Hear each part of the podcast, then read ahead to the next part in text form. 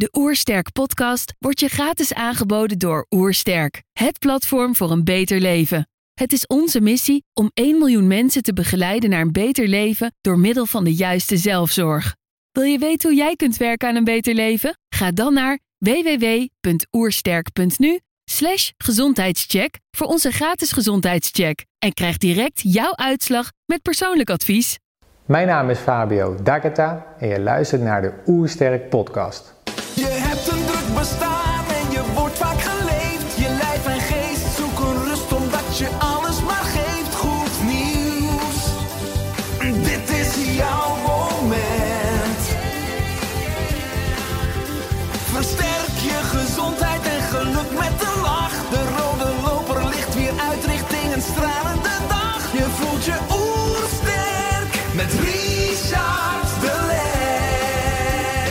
Zijn hier in Heemskerk voor een podcast met Fabio Daketa. Fabio is oprichter van Spat Veranderd en auteur van het boek Intelligent Bewegen. Ik ben benieuwd naar zijn tips voor een beter leven. Trouwens, geniet je van onze podcast? Abonneer je dan en laat een reactie of een review achter. Zo help je ons om het gezondheidsvirus te verspreiden. Let's start! De Oersterk Podcast. Een ontdekkingstocht naar een beter leven. Fabio, welkom. Ja, dankjewel. Ik lees op je website: een verandering bedenk je met je hoofd, maar maak je met je hele lichaam. Dit gedachtegoed brengt de wereld in door te spreken, te schrijven en mensen te coachen. Persoonlijke groei staat voorop en lichaamsbeweging is een middel om als mens met het hele lichaam de gewenste kant op te ontwikkelen. Vergeet afvallen, spieren kweken of de perfecte billen. Alles draait om het ontwikkelen van de juiste vaardigheden. Kun je iets meer over deze mooie missie toelichten? Jeetje, je zegt al heel veel eh, eh, in een paar zinnen. Ehm, om bij die eerste te starten, ja, dat is wel echt mijn motto. We denken veel, we bedenken veel en proberen dan ook ja, vanuit dat hoofd een verandering of een groei door te maken. En ehm, ja, vergeten daarbij ja, het lichaam. Dat is wat ik heb gemerkt, wat ik ook bij mezelf heb gemerkt, maar wat ik überhaupt bij mensen werk- eh, merk. Dus mijn motto is: een verandering kun je wel in je hoofd bedenken, maar dat hele lichaam speelt een rol. Eh, je lijf, je emoties, je fysiek. Ehm, ook je hoofd. Dus eh, Mhm. ik zeg niet, het is meer of minder dan elkaar, maar het is wel een drie-eenheid die in balans moet zijn. Dus je emotionele gesteldheid, je fysieke kant en je mentale kant. En eh, ja, als ik merk dat mensen willen veranderen en die proberen dat echt alleen maar met hun hoofd te doen, dan krijg je dus eh, eh, fitnessabonnementen die, eh, die je voor een jaar afsluit en dat je na een maand niet meer komt opdagen. Of dat je wil afvallen en dat stokt ergens. Of nou, wat voor verandering je eigenlijk ook maar wilt bereiken, dat het dan niet lukt. En ehm, ik denk dat als je je lichaam deel maakt van die verandering, dat je lichaam erkent en dat daar ook heel veel gebeurt en dat je dat je lichaam in dienst zet van je, van je verlangen, dat je dan eh, veel grotere kans maakt op dat je bereikt wat je graag wil bereiken. Mooi, je zegt essentiële dingen. Heel veel mensen leven en overleven in hun hoofd. Hè. Nou, we hebben eigenlijk een lichaam dat er een beetje aan vastbungelt, dus met weinig lichaambewustzijn. Nou, dat, dan, dan lees ik ook eigenlijk in de inleiding van je boek, eh, februari 2007. Eh, je ligt onwel, eh, of sorry, je werd onwel en je ligt op eh, de stenen in Genua, Italië, 23 lentes jong. En de ambulance kon niet helemaal in de, in de smalle straatjes bij je komen, dus je moest met hulp naar de ambulance strompelen. En dan lees ik dat je schrijft, toch zijn die moeizame stappen voor mij erg belangrijk geweest. Als ik niet in elkaar was gezakt, dan had ik waarschijnlijk ook niet geweten dat ik mijn, ja, mijn lichaam al jaren misbruikte. Ja. Ja, dat was wel mijn conclusie. Ik was 23, ik had, een, eh, ik had het CIOS gedaan in Arnhem. Nou, dat is een opleiding, daar word je opgeleid eh, tot, tot sportleider. Dat doe je alle sporten. Eh, ik ben een sportliefhebber, zoals je waarschijnlijk al door had. Ehm, dus er was eigenlijk fysiek was ik helemaal oké. Was ik gewoon topfit eigenlijk zelfs. En toch stortte ik daar in elkaar. Dus kon ik niet anders tot de conclusie komen dat ik iets totaal anders moest doen dan dat ik deed. Of dat ik iets moet, eh, moest ontdekken wat ik eh, nog eh, niet had ontdekt. En ehm, eh, toen kwam ik toch uiteindelijk, na een hele lange weg, tot de ontdekking of tot de conclusie dat ik mijn lichaam ja, misbruikt heb. Zo, zo durf ik dat wel te zeggen. Nou, ze konden het ziekenhuis niet vinden, hè? uit alle onderzoeken, bloedonderzoek, Hartonderzoek. Ja. hartonderzoek, alles eigenlijk gezond. Zowel in Italië als in, in Nederland. En eh, beide artsen zeiden, ja, wij kunnen niks vinden. Terwijl ik daadwerkelijk dacht dat ik daar, eh, dat ik daar dood ging. Zo erg voelde dat. En de enige verklaring die ik eh, terugkreeg was, Fabio, ja, waarschijnlijk heb je daar een paniekaanval gehad. Eh, en daar moest ik even aan wennen, aan dat idee. Ik was jong, ik had niks te klagen, ik was fit. En toch raakte ik waanzinnig in paniek en, eh, en stortte ik in elkaar. Dus ja, wat, wat gebeurt daar dan? Hè? Mhm. Dat was voor mij een, eh, een taak om dat, eh, om eens heel goed te gaan ontrafelen. En ehm, nou, daar kwamen heel veel nieuwe inzichten uit. Eh, waaronder dus dat ik altijd wel heb gesport en heb bewogen, maar niet met de juiste intentie. Wat ik wilde namelijk was de beste zijn, doelpunten scoren, ehm, eh, eh, winnen, een techniek aanleren, nog meer verfijnen. Ehm, nou ja, dat soort prestatiegerichte doelen had ik en dat gaf mij een kick en dat vond ik gaaf en dat wilde ik, daar wilde ik alleen maar meer van.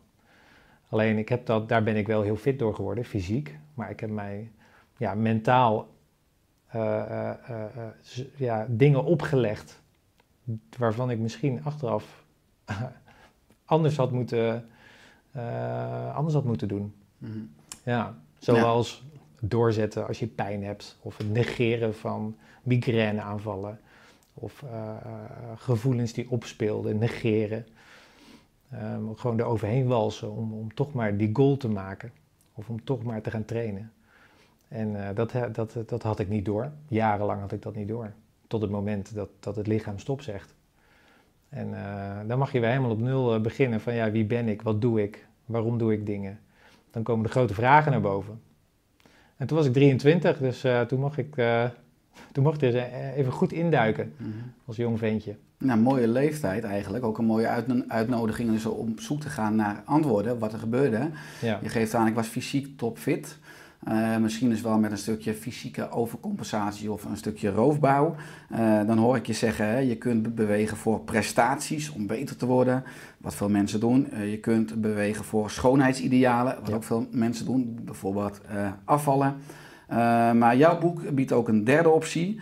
Het bewegende lichaam juist in dienst stellen voor jouw persoonlijke groei. Hè? Want het lichaam is slimmer dan je denkt. Ja. Hoe kunnen we dat doen? Hoe kunnen we dat doen? Nou, eh, ten eerste door te beseffen dat je lichaam bestaat uit je, uit je fysiek, uit gevoel en uit het brein. Dus we doen soms alsof, wij, alsof het brein heilig is en alsof dat de manier is om te leven. Alles met het verstand doen. Mhm. Maar eh, het, gaat voel, eh, het gevoel gaat, gaat, is ook heel krachtig. En misschien zelfs wel krachtiger als je het evolutionair bekijkt.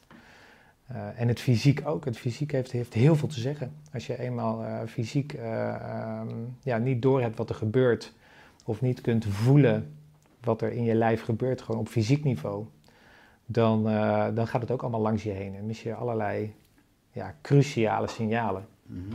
Dus het eerste wat, we, wat je moet doen, of wat ik in ieder geval heb gedaan, is te erkennen van oké, ik heb dus een heel bruisend gevoelsleven. Ik heb allerlei emotionele vaardigheden. Eh, ik heb heel veel te voelen en te ervaren, wat ik ook allemaal eigenlijk liever niet deed.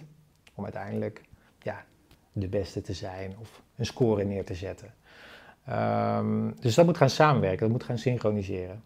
Ja, dat komt in je boek samen in de ontwikkeldriehoek. Ja, Dus een driehoek met drie kanten en een fysieke kant, eigenlijk een fysieke vaardigheid, een mentale vaardigheid en een emotionele vaardigheid. En Ja. je zegt terecht dat je brein, je gevoelsleven en je lichaam betrokken zijn eigenlijk bij een beweging. En dat we Ja. dus letterlijk intelligenter hè, moeten bewegen, ook de titel van je boek. ja, intelligent bewegen heb ik dat dan genoemd. Omdat het, eh, intelligentie zit dus niet alleen in het brein, maar het zit ook in, in, je, in je gevoel en in je fysiek. Ehm, die driehoek, die draait om vaardigheden. En dat is eigenlijk een hele grote shift in het denken. Als we gaan sporten of als we gaan bewegen, liever noem ik het bewegen, dan, nou, wat ik in ieder geval zie op de socials, zijn, zijn prachtige foto's, eh, geweldige eh, meetresultaten. Je hebt natuurlijk Strava, je hebt allerlei apps die van alles kunnen meten. Dat wordt, dat wordt eh, gretig gedeeld. Mhm. en je ziet op tv de sportwedstrijden natuurlijk, de, de grote winnaars die in de lucht springen als ze hebben gescoord. Of, ja, dat is een beetje het idee wat we, wat we hebben bij, bij sport en bewegen. En dat is ja, prestatiegericht. ehm, Ja, we zijn bezig met het resultaat, maar niet met het proces. eh, of hoe we eruit zien. Ja. Dus afvallen of, of spieren kweken, de, de, de mooie billen, Ja. zeg ik dan een beetje gekscherend in mijn boek. Maar ehm, dat gaat niet over vaardigheden van jou als mens. Dat gaat over iets neerzetten buiten jezelf. Dus het grote verschil is als je leert denken in vaardigheden, een emotionele vaardigheid, een, een, een mentale vaardigheid in je brein en een fysieke vaardigheid, dan, heb je veel, dan, dan ligt het veel meer dichter bij jezelf. Want dan ga je als mens ga je jezelf ontwikkelen. Eh, als ik vaardigheden leer, dan, dan maak ik een groei door. Mhm. Als ik namelijk iets leer wat ik eerst niet kon, waar ik wel graag zou willen kunnen als mens, ehm, en dat dan leer uiteindelijk, nou, dan heb ik een groei doorgemaakt.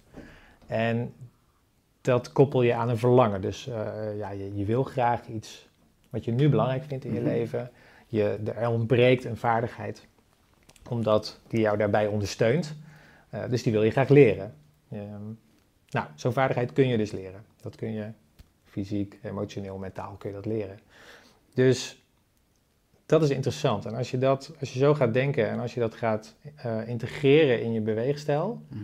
dan kun je die vaardigheden in razend tempo aanleren. Dat is mijn overtuiging. Dat is mijn ervaring en dat zie ik ook al acht jaar in mijn werk.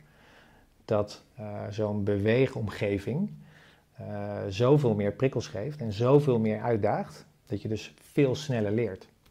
Plus, je lichaam is onderdeel van het, van het leerproces, van het ontwikkelproces. Want bewegen, dat doe je, dat doe je met je lijf.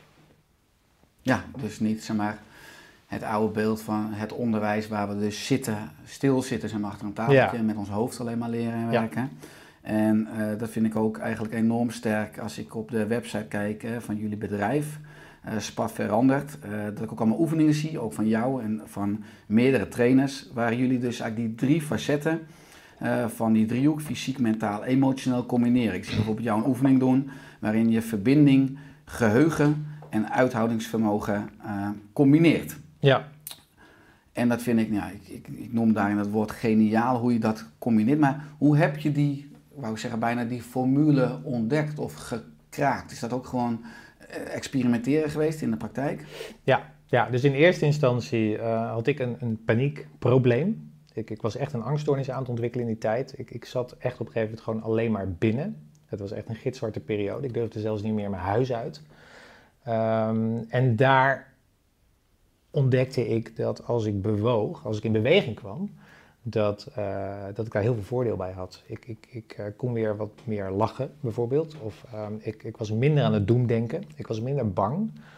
Ehm, dus mijn leven, de kwaliteit van mijn leven, die, die, die, die steeg enorm door alleen maar in beweging te komen. Dus ik dacht, oké, daar moet ik zijn, dat, dat moet ik niet loslaten. Dat is nog mijn, mijn houvast, mijn redding.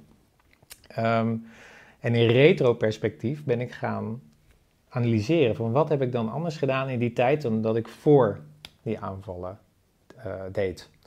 En wat ik heb gedaan is onder andere geswitcht van eh, beweegactiviteit. Dus ik was een voetballer, eh, maar het was veel te hectisch voor mij. Veel te, veel te prikkels die ik niet kon handelen, want ik werd alleen maar gestrest en, eh, en agressief en gedreven. En ik dacht, oké, dat moet ik maar even laten rusten.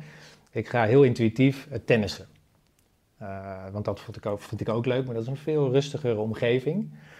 Maar wel met een enorme uitdaging. Of heel veel uitdagingen die ik daar kreeg. Eh, want je slaat natuurlijk bal in het net, je maakt ook veel fouten. Alleen je kan niet meer iemand anders de schuld geven. Eh, en er is veel meer rust om je heen. Er is geen scheidsrechter, niemand die op je, op je schreeuwt. Dus ehm, Veel minder prikkels voor je zenuwstelsel. veel minder prikkels, ja precies. Dus daar kreeg ik de kans om het eens eh, anders te doen. En toen zei ik ook tegen mezelf van oké, ik wil geen ruzie met mijn tegenstander. Ik wil respect tonen voor mijn tegenstander. Ik wil ja, een vriendschappelijke band met mijn tegenstander. Ook door eerlijk te spelen, door eh, eh, eh, vriendelijk te zijn. Maar ik wil ook voor mezelf voelen wat er eigenlijk gebeurt tijdens dat potje tennis. Dus wat nou als ik een mooie bal sla of een verkeerde bal? Wat doet dat met mij? Wat gebeurt er in mijn lijf? Kan ik dat lokaliseren? Kan ik zeggen van hé, hey, nu, gaat, eh, nu gaat het tekeer in mijn borstkas. Of nu krijg ik verzuring in mijn benen. Nu raak ik gestrest in mijn hoofd. Ehm, dus ik ging heel erg naar binnen voelen. Van oké, wat gebeurt er tijdens zo'n potje tennis. En achteraf gezien ehm, was ik daar bezig met het aanleren van vaardigheden die ik heel hard nodig had. Lichaamsbewustzijn, eh, respect hebben voor mezelf, voor de tegenstander en de allerbelangrijkste misschien wel zelfbeheersing. Dus eh, tennis is een hele, eh, was een hele dure sport voor mij in die tijd. Want ja, als je elke week een nieuwe racket moet kopen, dan, eh, dan, is het, eh, ja, Ja. dan, is het, eh, dan wordt het vrij prijzig. Maar ik had het helemaal niet in de hand, want ik was gewoon te snel boos. Dus ik had geen zelfbeheersing. Dus ik wilde zo graag mezelf beter leren beheersen. En daar lag mijn focus op. Nou, wat, wat, wat ik merkte was dat ik dus die vaardigheid ging leren. En vrij snel ook. Dus week na week na week. Op een gegeven moment, na drie maanden, had ik die vaardigheid gewoon onder controle. Er gingen geen records meer stuk. Eh, ik kon mezelf veel beter aanvoelen. Ik werd niet meer gestrest. Dat was al een hele openbaring voor mij. Ik denk, goh, als ik heel anders... Ik, ik heb mijn huiswerk gedaan, ik ben anders gaan bewegen. Ik leer allerlei vaardigheden die ik heel hard nodig heb. Want ik ben met heel veel met angst en eh, paniek eh, heb ik last van. En dat gaat goed op die tennisbaan. En het mooiste was dat ik dat op een gegeven moment ging merken in mijn algemeen dagelijks leven. Dus normaal kon ik een paniekaanval krijgen eh, in de rij bij, in de supermarkt. Of als ik een film keek in de bioscoop. Of tijdens een vergadering op het werk. De gekste momenten kon ik, kon ik helemaal, eh helemaal ineenstorten. Ehm, maar dat werd minder. En ik ging, ik ging het linkje leggen van, goh, wat ik daar op die tennisbaan nou hard aan trainen ben, die beheersing, die, dat zelfbewustzijn, merk ik ook gewoon buiten die tennisbaan. Ja, niet zo gek, want het is hetzelfde lichaam uiteindelijk. Alleen de omgeving is anders. Blijkbaar leer ik mezelf iets aan waar ik heel veel profijt van heb. En ja, terugdenkend aan die periode heb ik dat toen heel goed gedaan. Ben ik angstvrij ook geworden. Ik heb helemaal nergens meer last van. In een, in een snel tempo. En, en dat vond ik magie. Ik dacht van, jeetje, hoe zit dat joh? En zo is eigenlijk eh, het idee gevormd richting die ontwikkeldriehoek. Van ik ben eh, zowel fysiek, mentaal als emotioneel ben ik mijn sportactiviteit gaan doen, mijn beweegactiviteit. En ik heb in een razend tempo dus vaardigheden ontwikkeld die ik heel hard nodig had in die tijd. En dat pakt dusdanig goed uit dat het me bij mijn verlangen, dat ik bij mijn verlangen ben gekomen, namelijk om angstvrij te zijn. En toen dacht ik, wauw joh, eh, is dit een toevalstreffer of heb ik hier nu iets te pakken wat gewoon heel krachtig is? Nou, vervolgens ben ik dat gaan uittesten op andere mensen. Heb ik heel veel geëxperimenteerd. Je hebt natuurlijk ontzettend veel sportsmaken, eh beweegactiviteiten, manieren van coachen. Ehm, en ja, jaar na jaar na jaar word je wijzer en kom je erachter hoe, de- hoe, dat, hoe dat werkt in de praktijk. En dat is deze methode geworden waar je het over had. Ja, want- terug te brengen in een, in een eenvoudige driehoek. Ja, dus het is eigenlijk allemaal begonnen vanuit jezelf. Je bent nieuwe vaardigheden gaan trainen. Je bent je lichaam en geest gaan reprogrammeren, sterker gaan maken. Ja, Eh, daarmee veel een stabiele gevoelsleven ge- gekregen. ja, Eh, en uiteindelijk ook letterlijk dus dat je veel minder last had van angst. En steeds meer vertrouwen en controle kreeg in de Ja. wereld. En, klopt. en eh, uiteindelijk denk ik ook wat je zegt, die angst die je uiteindelijk terugbracht, terugbracht zeg maar gewoon binnen, thuis, is, is je leefwereld weer steeds groter geworden. Maar wat je een paar keer al noemt is verlangen. Ja. En eh, ik, ik lees ook dat het continu gaat om een hogere doel. Eh, om je ultieme verlangen waar te maken. En in het boek heb je uiteindelijk ook opgebouwd uit inzichten, uit sleutelprincipes en uit acties. Maar als fundering eigenlijk continu, en daar ben ik het mee eens, dus je ultieme verlangen. Als mensen nu luisteren of kijken, kunnen mensen zich afvragen, ja maar hoe doe ik dat? Hè, mijn ultieme verlangen waarmaken? Of wat is, hoe kom ik achter mijn ultieme verlangen? Ja.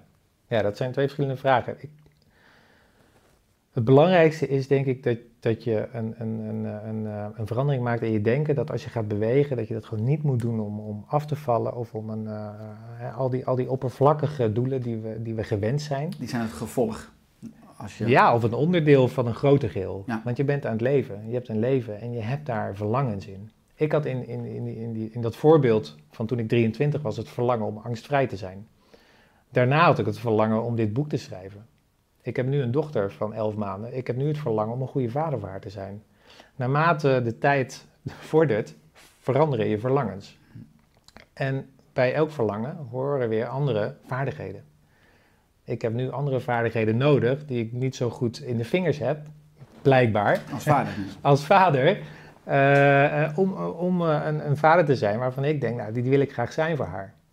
Eh, dus dat, dat breng ik in kaart. Van wat, wat heb ik nu nodig? En kan ik dat voor mezelf ontwikkelen? Kan ik die groei doormaken? En kan mijn lichaam en beweging daarin eh, helpen en ondersteunen? Nou, ik weet inmiddels dat dat werkt als een dolle. Mhm. Uh, ja, het- en, het, en, en dat ben ik nu ook aan het doen. Dus, maar het begint bij het verlangen. En vaak bij bewegen en sporten heb je meer eh, op 1 januari bijvoorbeeld, dat je denkt, nou dit jaar ga ik wat gezonder leven. Of eh, dat is ook zo'n gro- groot begrip. Of eh, nu ga ik afvallen. Of Goede voornemens. ja, goede voornemens. Of, of ja, het zijn het, het dunne doelen eigenlijk. Of, of ja, een beetje oppervlakkig. Terwijl ik denk, denk even groot. Kijk even naar je leven. Wat vind je nu het aller, allerbelangrijkste in je leven?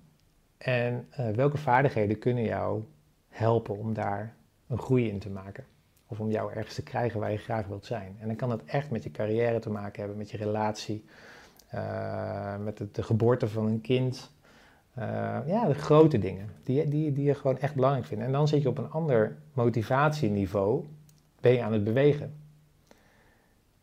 En dat vind ik fascinerend, want beweging en motivatie, dat is natuurlijk, ja, dat, dat, dat, dat vindt elkaar soms heel slecht.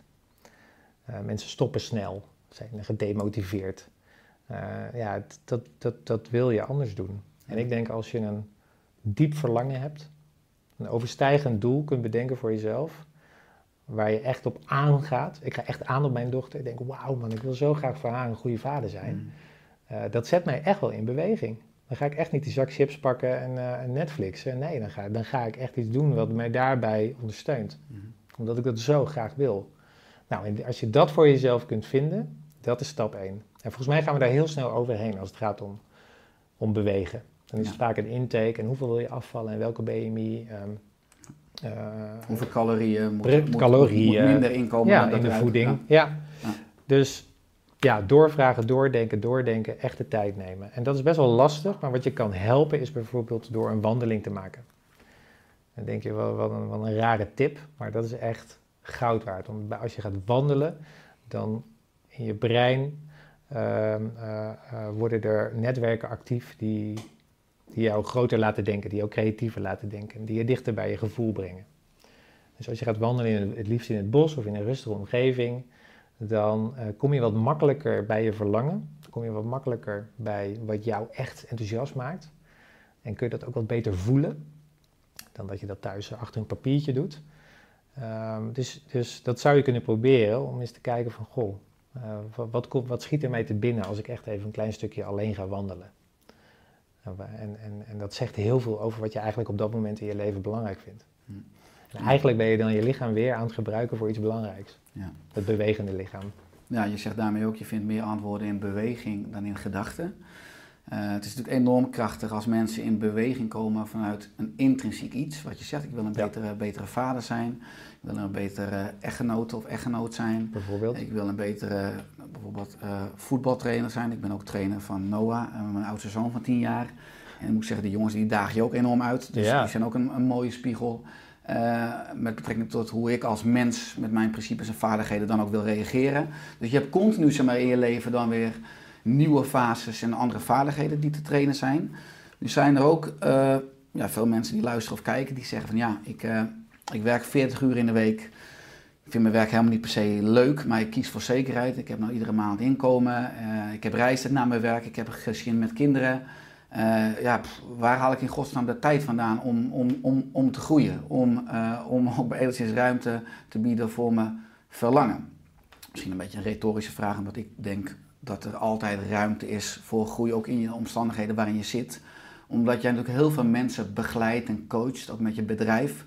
Wat zou een eerste stapje voor mensen kunnen zijn om al wat meer ruimte te bieden voor dus groei eh, als gevolg van hun verlangen?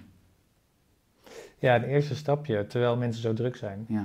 Ja, er, er wordt heel veel onderzoek gedaan naar waarom lukt het niet om in beweging te komen. En dan heb je eigenlijk twee hele grote onderwerpen die er bovenuit stijgen. Eén is te weinig motivatie, maar die hebben we net eigenlijk een soort van getackled. De andere is ik heb geen tijd. Ja, ik vind dat heel moeilijk om daar heel serieus op in te gaan, omdat tijd, ja, jij bepaalt je prioriteit, jij bepaalt je tijd. Als je jezelf helemaal wegcijfert voor je baas en voor andere mensen en je houdt geen tijd meer over voor jezelf, uh, die krijg je een keer die rekening. Je moet echt voldoende zorg dragen voor jezelf om lekker in, in het leven te zitten. Uh, dus hopelijk ben je dat voor en uh, lukt het jou om, al is het maar een paar minuten te wandelen om toch even weer bij jezelf te komen. Wandelen is een heel makkelijk voorbeeld, omdat iedereen kan het. Het kost niets. Het kost niks, daarom wordt er ook geen reclame voor gemaakt. Niemand niet, verdient eraan. Het valt niet te patenteren. Nee. Het valt niet te patenteren. Niemand heeft belang bij het uh, promoten van wandelen. Nou, ik vind, ik vind dat heel moeilijk, want dat, dat is zoiets wat zo goed past bij je lijf, bij een mens, om even te wandelen. En als je dan even iets wat dieper induikt en je komt erachter wat er gebeurt in je brein tijdens wandelen, ja, dan is het bijna gek dat we zoveel zitten. Uh, dan ben je gewoon een dief van je eigen ontwikkeling, bij wijze van spreken. Dus dat zou mijn tip zijn, zou zijn, ja, wandel iets vaker of, of parkeer de auto iets verder van je werk, dat je het kleine stukje moet lopen. En uh, ga dan niet met je telefoon lopen of met oordopjes in. Uh, dat is ook weer natuurlijk weer een onderwerp waar ik, waar ik me aan stoor. En denk, god, dan heb je even tijd. En dan heb je toch die dingen weer in je oren. Of dan uh, ja, zoek je toch weer de afleiding. Weg afleiding. Gewoon wandelen met je lijf, met jezelf, met je ziel, met je gedachten. Alles wat er bij jou hoort. En, en laat dat zijn gang gaan. Want dat gaat synchroniseren. Mm -hmm. En dan komen er wel dingen omhoog die, die voor jou dus belangrijk zijn. Ja, het is interessant als je zegt uh, dat veel mensen ook het bewustzijn hebben en wel weten dus dat wandelen gezond is, uh, dat ze meer moeten bewegen. Ja. Maar veel mensen doen het toch niet. Enerzijds zeg je, veel mensen hebben het helpersyndroom, dus die zorgen voor de hele wereld, maar niet voor zichzelf en die gaan zelf ten onder. Als je dan kijkt naar je uh, ontwikkeldriehoek, ik denk of zie soms dat het ook gekoppeld is bijna aan, aan zelfvertrouwen en zelfbeeld. Uh, want je moet wel voor jezelf uh, durven kiezen, zeg maar. En dat heel veel Klopt. mensen op zoek zijn, onbewust naar erkenning. Uh, of nog de bevestiging dat ze goed genoeg zijn, misschien als je die doortrekt. Mhm. en als dat voldaan zou zijn, dat ze dan veel meer van die onbewuste onrust en veel meer kunnen aansluiten bij wat ze zelf nodig hebben. Dus dat is veel meer eigenlijk, als je kijkt naar jouw driehoek, een soort mentale of emotionele onbalansen, wat je ook, ook tegenkomt als je mensen coacht in de patronen Mhm. die ze laten zien. Dus als je die mentale en emotionele bijna onbalansen meer balans brengt, dat ze ook veel meer fysiek in beweging komen. Is dat ook continu het spel waar jullie zeg maar ook in zitten? Ja, dus tussen die drie vlakken eigenlijk, die, die drie delen van de mens, vind ik heel fundamenteel. En, en je hoort nu wel steeds meer dat uh, fysiek en mentaal, hè, dat wordt een beetje in één zin gebruikt veel. Um, en steeds meer geaccepteerd. Body-mind. Ja. Body-mind. Um, en, en dan uh, denk ik altijd, oh, er is ook zo'n rijk gevoelsleven dat zo krachtig is. Uh, Bram Bakker zei in een van jouw afleveringen, ook hier bij je, uh, dat, dat het gevoel zelfs sterker is dan, of meer invloed heeft ja. dan het brein. Nou, hij is psychiater, hij kan het misschien nog steviger zeggen dan ik. Maar ik ervaar dat ook. Ik denk dat het zoiets onderschat is. En dat we graag ook in een nuchter land als Nederland hè, willen bedaren en zelfs een beetje willen remmen en dempen. Terwijl dat eigenlijk de kracht is waar je zoveel levenslust uit kunt halen en zoveel uh, uh, ontwikkelmogelijkheden. Als jij je gevoel de ruimte geeft, het leert kennen, het echt leert kennen, zeg maar, echt leert doorgronden ook. Um, en een rol geeft in je ontwikkelproces, ja, dan, dan heb je goud in handen volgens mij. Hmm. En wat jij zegt, zoals dingen als zelfbeeld, dat zijn best wel, uh, dat, zijn, dat zit diep in je, ja, in je, in je lijf. En dat gaat ook ver. Dat begint eigenlijk, zodra je geboren wordt, krijg je allerlei opvoeding en omgeving. Ja, die bepalen uiteindelijk voor een groot deel wie je vandaag de dag bent. Dit, of deze methode waar ik mee werk, kijkt heel veel vanaf dit moment vooruit. Uh, waar, waar, wil je naartoe? Hoe wil je ontwikkelen?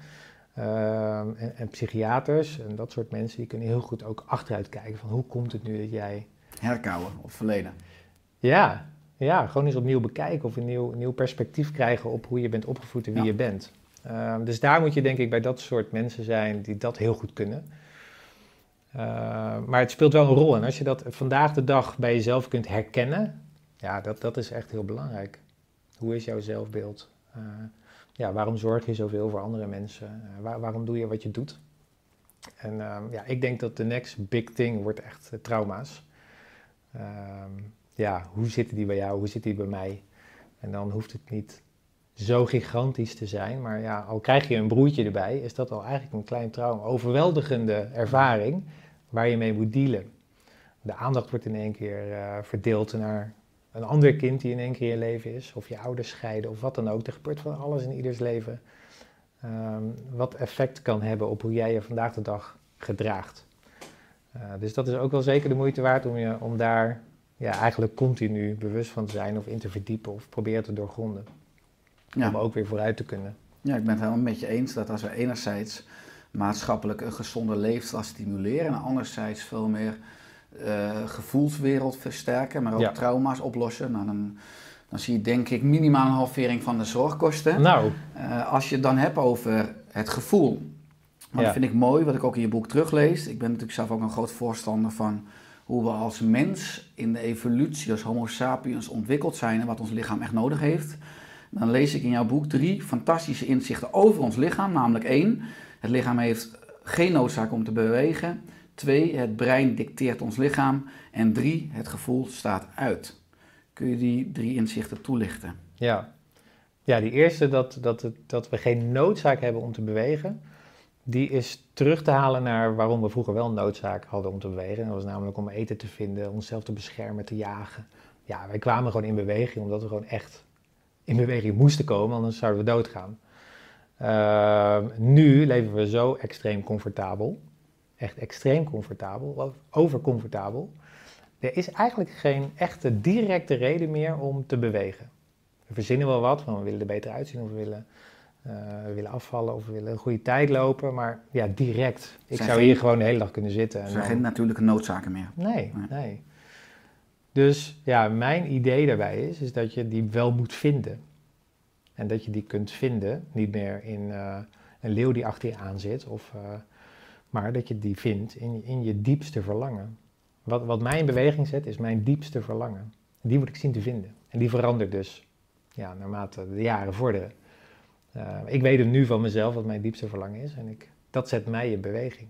En ik vind dat andere mensen die dus ook, dat je, dat je er echt naar mag graven en echt daar de tijd voor mag nemen. Um, Daarop ingaan, wat is nu jouw diepste verlangen? Nu op dit moment heeft uh, heel veel te maken met, met, mijn dochter ja, en met mijn vaderschap.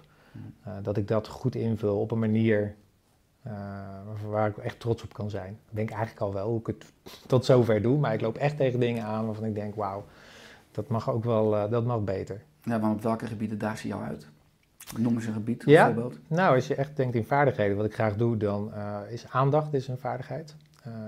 Als ik papa-dag heb en ik heb acht uur lang alleen mijn dochter bij me, dan heeft zij eigenlijk, behalve als ze slaapt, mijn aandacht nodig, mijn oprechte aandacht, um, zonder afgeleid te zijn. Nou, dat is een utopie. Ik ben natuurlijk wel eens af en toe afgeleid, maar veel meer dan dat ik zou willen.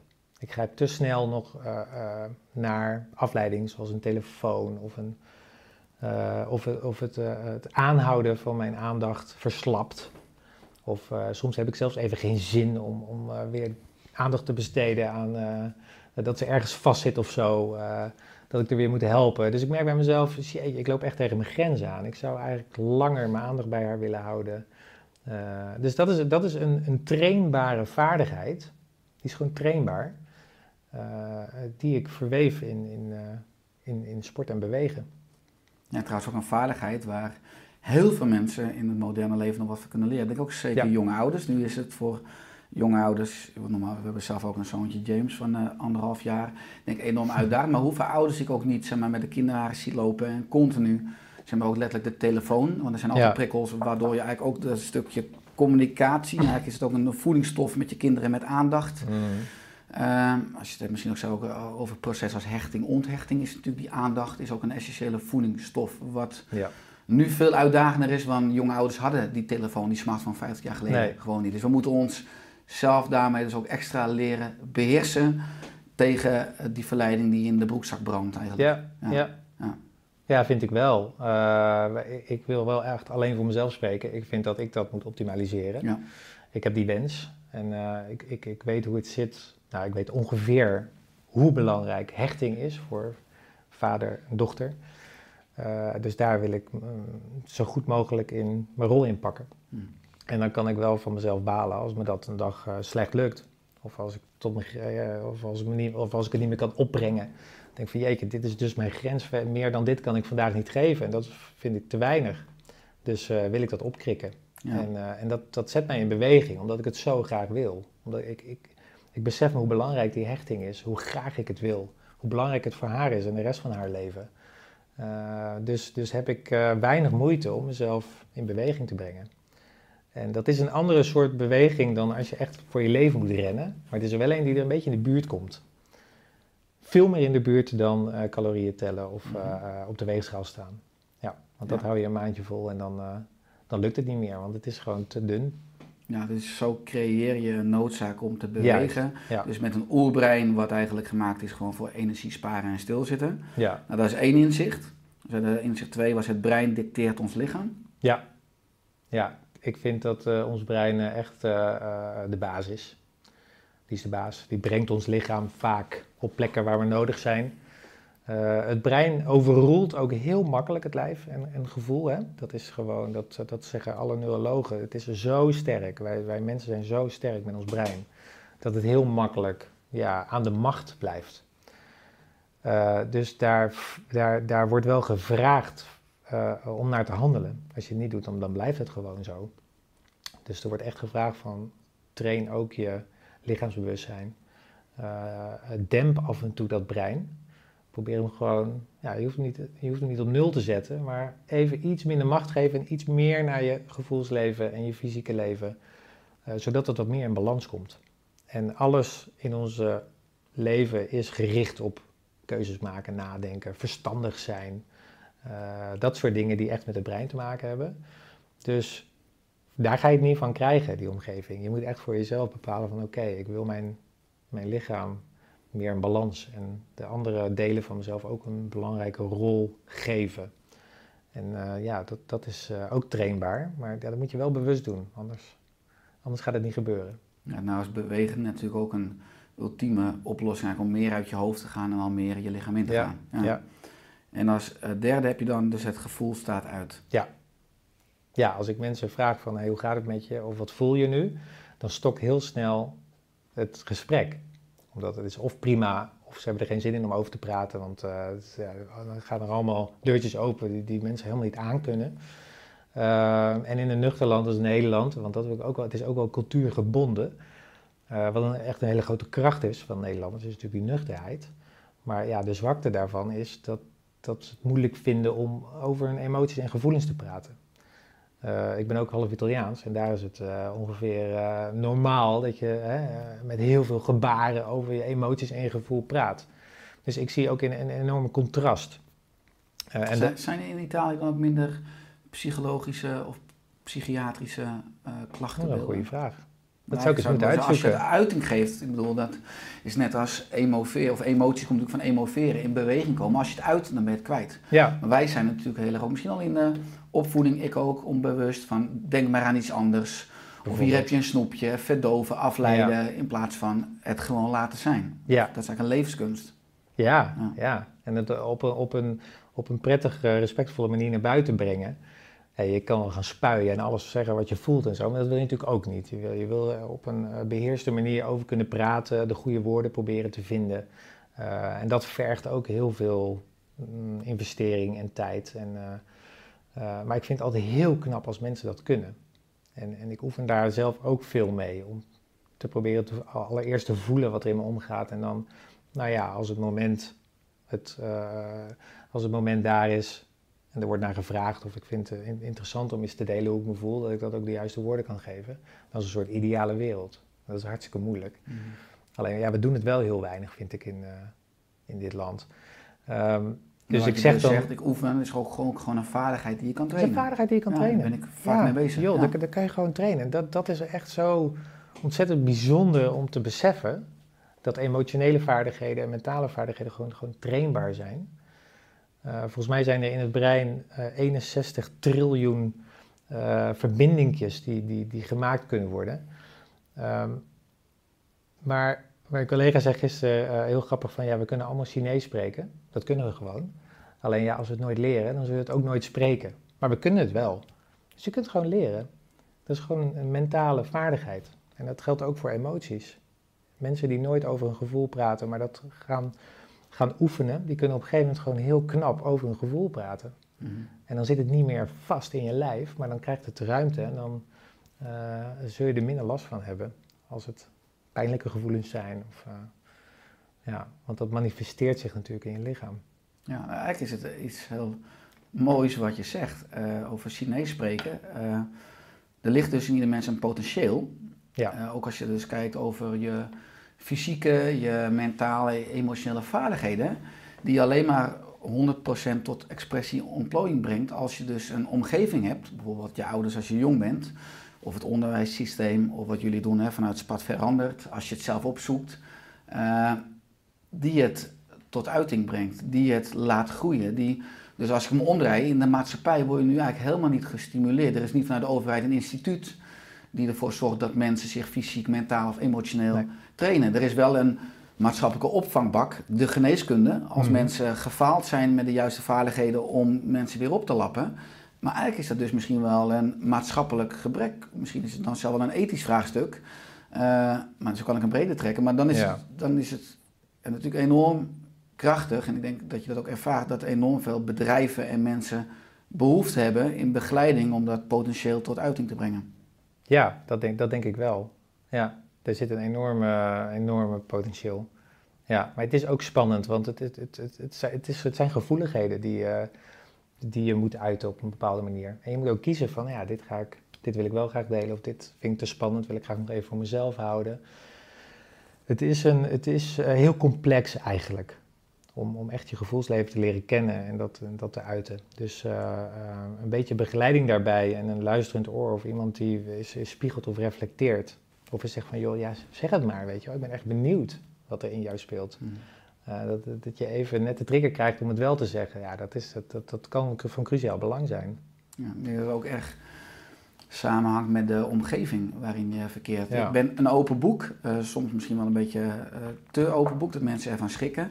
Maar ik, ja, ik prikkel mensen graag over norm en afwijking. Ik vind dat het woord kwetsbaar ook verkeerd gebruikt wordt. Hè. Als mensen hun emoties uiten, als mensen zeggen dat ze bang zijn of boos zijn of gaan huilen, uh, dan is dat enorm sterk. Want als je al je emoties laat zien, als je je hele binnenwereld laat zien, als je daar transparant over bent, dan ben je niet te kwetsen. Mm -hmm. Juist als je iets afschermt, een muur opbouwt, als je iets achterhoudt, uh, en dat noemen we dus maatschappelijk over, ben je sterk, dat je, uh, maar ja. dan ben je te kwetsbaar, ja. dan, dat, dat is kwetsbaar.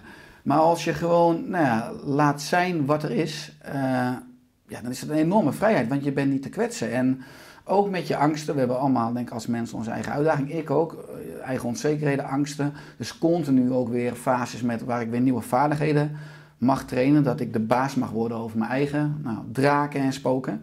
Uh, maar dat zou enorm sterk zijn voor mensen als ze dat zich meer zouden openen. En ja, wat mij betreft mogen we ophouden met dat, oh wat ben je toch kwetsbaar. Oh wat mooi dat je zo kwetsbaar opstelt. Nee, Ja, ja, ja. eh, je bent hartstikke sterk. Je stelt je maar bij. Dat is mijn persoonlijke... Nee, maar ik, dat, daar sluit ik erbij aan. Ja. Ja, ja, ja. Want, want als ik dan op je website kijk, en dat, dat, dus ik denk dat de hele maatschappij dat nodig heeft, dan bieden jullie vitaliteitsprogramma's aan en workshops voor groepen in het bedrijfsleven, maar ook in de zorgsector. En dan zie ik onder andere het programma Duurzaam Herstellen. En dan zie ik opbouw van vier weken en dan denk ik, ja, dat hebben we er allemaal nodig. Bijvoorbeeld dan in die eerste week van, eh, als je het hebt over dan mentaal, bepaal je hogere doel. Nou, in die tweede week mentaal ontspannen. Hoe doe je dat, is het thema. Dan in die derde week leer de juiste prioriteiten stellen. En in die vierde week bewaak je grenzen. Ja, dan denk ik, ja, dit moet een lespakket zijn al eh, in, in het basisonderwijs. Eh, maar, maar ja, ook misschien een retorische vraag, maar zie je dat heel veel mensen dus hiermee worstelen? Nee, er wordt enorm mee geworsteld, hè? echt op, op alle vlakken. Ehm, wat, ik, wat ik wel geinig vind, aan, aan, eh, wat ik eigenlijk jammer vind aan, aan zo'n programma voor het bedrijfsleven, dat dat heel erg. ehm, eh, of het bedrijfsleven is, is gek op workshops, laat ik het zo zeggen. Eh, nu allemaal in deze coronatijd vaak via de computer. Waar ik van houd, is het om ook echt aan de lijve te ondervinden. Dus om er een ervaring, een beleving van te maken. Ehm, Je bedoelt niet alleen maar zenden nee, niet en zenden. informatie het hoofd insturen, Ja. maar letterlijk dus ook het lichaam ingaan. Precies, precies. En misschien ja. wat, ik, als ik, wat ik altijd vind, als ik een lezing geef of een workshop, is het vaak een druppel op gloeiende plaat. Je kan veel meer impact maken met een traject, want dan Juist. ga je dat proces samen in. Ja, ja, en het liefst dus ook met, met het lichaam als instrument eh, die ook echt in actie komt. Ehm, dus echt in beweging komt, als we weer terugkomen bij beweging. Ehm, want daar zijn dus die vaardigheden zo goed te trainen. Weet je wel, jouw grenzen aanvoelen. Ja, ik kan je vertellen hoe je dat kan doen, maar ik kan natuurlijk veel beter iets dichtbij komen zitten. Of eh, jou een hele zware bal geven waarvan ik weet dat je dat niet fijn vindt. Of, of ja, er zijn zoveel oefeningen die we hebben om jou te laten voelen van, goh, oké, hier ligt dus mijn grens. En hoe voelt dat dan? Dan ga ik gewoon jou aan je vragen, maar hoe voelt dat dan? Ja, dan voel ik dus, ik weet niet wat jij voelt, maar dat ga je dan proberen uit te leggen. Wauw, en dan ben je eigenlijk in een sneltreinvaart ben je je eigen lichaam aan het voelen en aan het leren kennen. En het interessante is dus, wat ik in die tennisbaan had en daarna in mijn leven, dat jij in zo'n sessie eh, iets merkt en dan in één keer in, een vergadering ook dat fysieke merkt. Van hey, wow, dit is dus mijn grens. Dat had ik net met die, met die zware bal en nu, nu maak jij die opmerking en nu voel ik het weer. Dat is mijn grens. Wauw, dat is stap 1. En dan stap 2 is om daar assertief in te zijn. Van joh, eh, deze taak die je me nu oplegt eh, is voor mij vandaag te veel. Vind je het goed als ik het morgen doe? Nou, dan ben je grenzen aan het aanvoelen, aan het bewaken op een tactvolle manier, met respect voor jezelf en de ander. Ehm, en dat is iets eh, waarvan ik merk, want dat was je vraag natuurlijk, merk je dat veel? Ja, dit is echt wat er nu speelt. Dit is echt wat er nu speelt. Ja, dat dat, dat, dat heel slecht kunnen.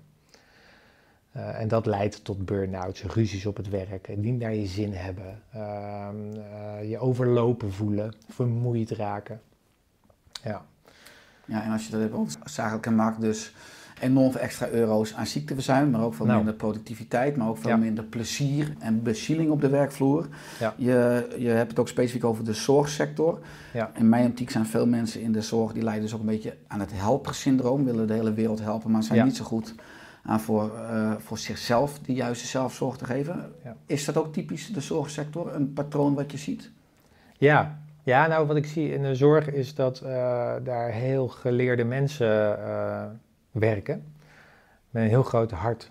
En, en, en nu zelfs in zo'n crisis, joh, die, die geven alles. Dan heb je het over artsen, Ah, verpleegkundigen. maakt niet uit. Van chirurgen, artsen tot Ja. aan gewoon verpleegkundigen en, en zelfs de schoonmaakers. Het, het zijn allemaal zulke ontzettend lieve mensen. Gepassioneerde mensen. Ja, ja, ja. Ik, heb, ik heb vroeger eens schoongemaakt in een ziekenhuis als, bij, als bijbaantje in de zomer. En ik vond het gewoon geweldig. Omdat al die mensen waren gewoon lief, vriendelijk.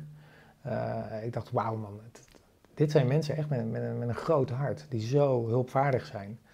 Daar soms wel jarenlang voor gestudeerd hebben om iets te kunnen doen.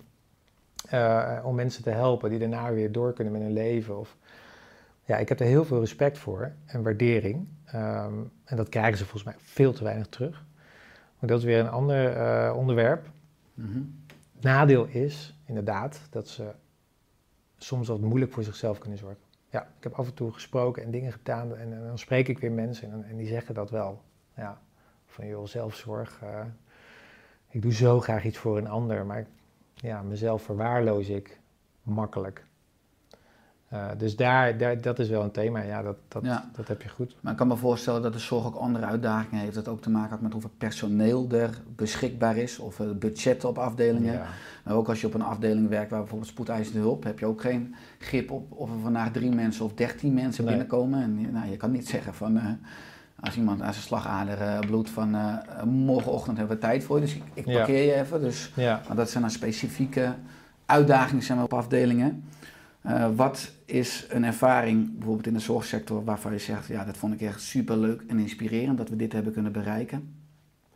Poeh, ehm, er schieten me een paar dingen te binnen. Nou, wat heel actueel is, is dat we nu een, een onderzoek aan het doen zijn bij het UMC Utrecht met ehm, eh, mensen met EPA, ernstig psychiatrische eh, aandoeningen, die begeleid wonen. En die Nou, dan moet je echt denken aan uh, psychoses, schizofrenie. Mhm. mensen die stemmetjes in hun hoofd hebben en echt begeleid moeten wonen om, um, ja, om hun leven te leiden. Dat is al erg genoeg. En dan komt eigenlijk die, die crisis waar we nu in zitten, die, die verandert ook nog eens de hele wereld. Ja, wat ze heel moeilijk kunnen begrijpen. En wat we daar doen is structuur en um, ja, stress release, beweging, middels beweging in hun in, in hun leven, ja, structureel in hun leven neerzetten via online beweegtrainingen. Ehm, en ik merk meteen al de eerste verhalen die daar loskomen, die verbazen mij heel erg. Dat het lukt, zeg maar, dat het al lukt. Dat het, dat het nou, voor zover het nu dat onderzoek bezig is, dat het haalbaar is om die mensen achter hun schermpje te krijgen in beweging, in een, uh, in een uh, kleding waar ze zich uh, prettig in kunnen bewegen.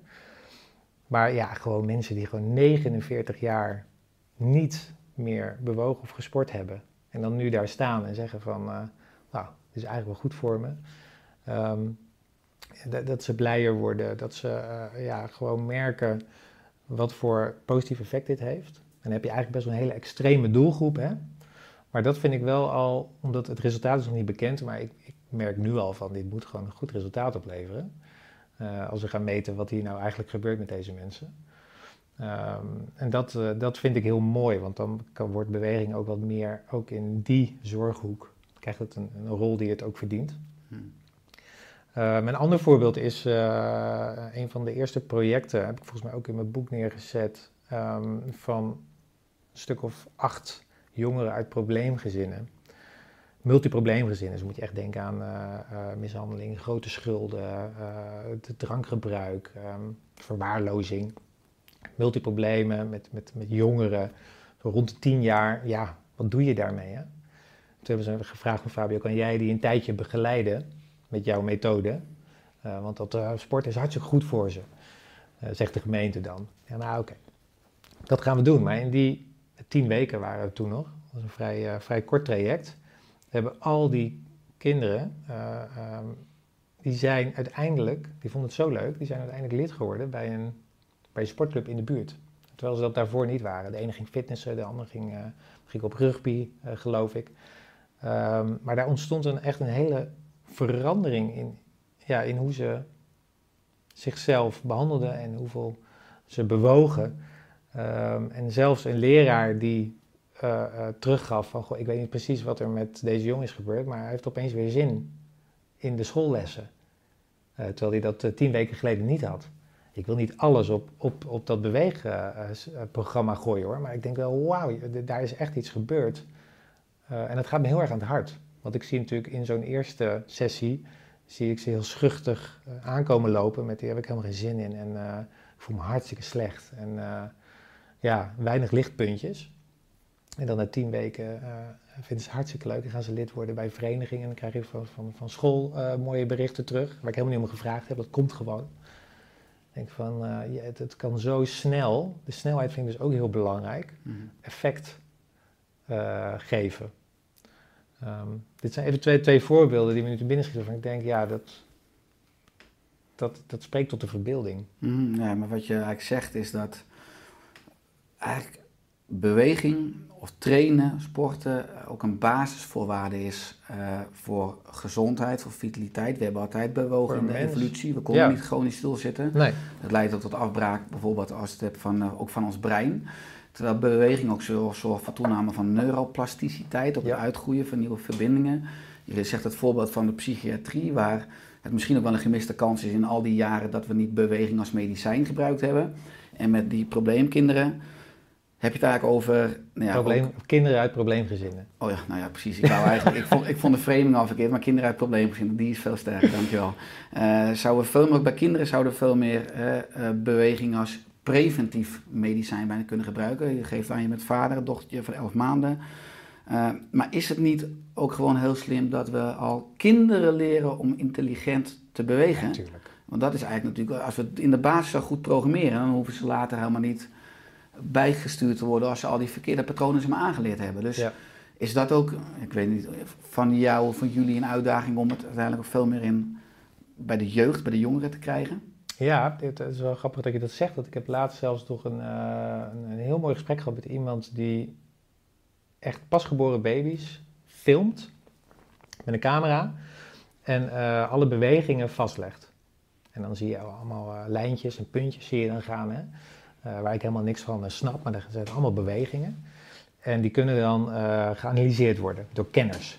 En die kunnen dan gewoon zien aan de beweging, aan de motoriek van, van een pasgeboren baby, of de hersenen goed zullen gaan ontwikkelen in het leven van dit kind.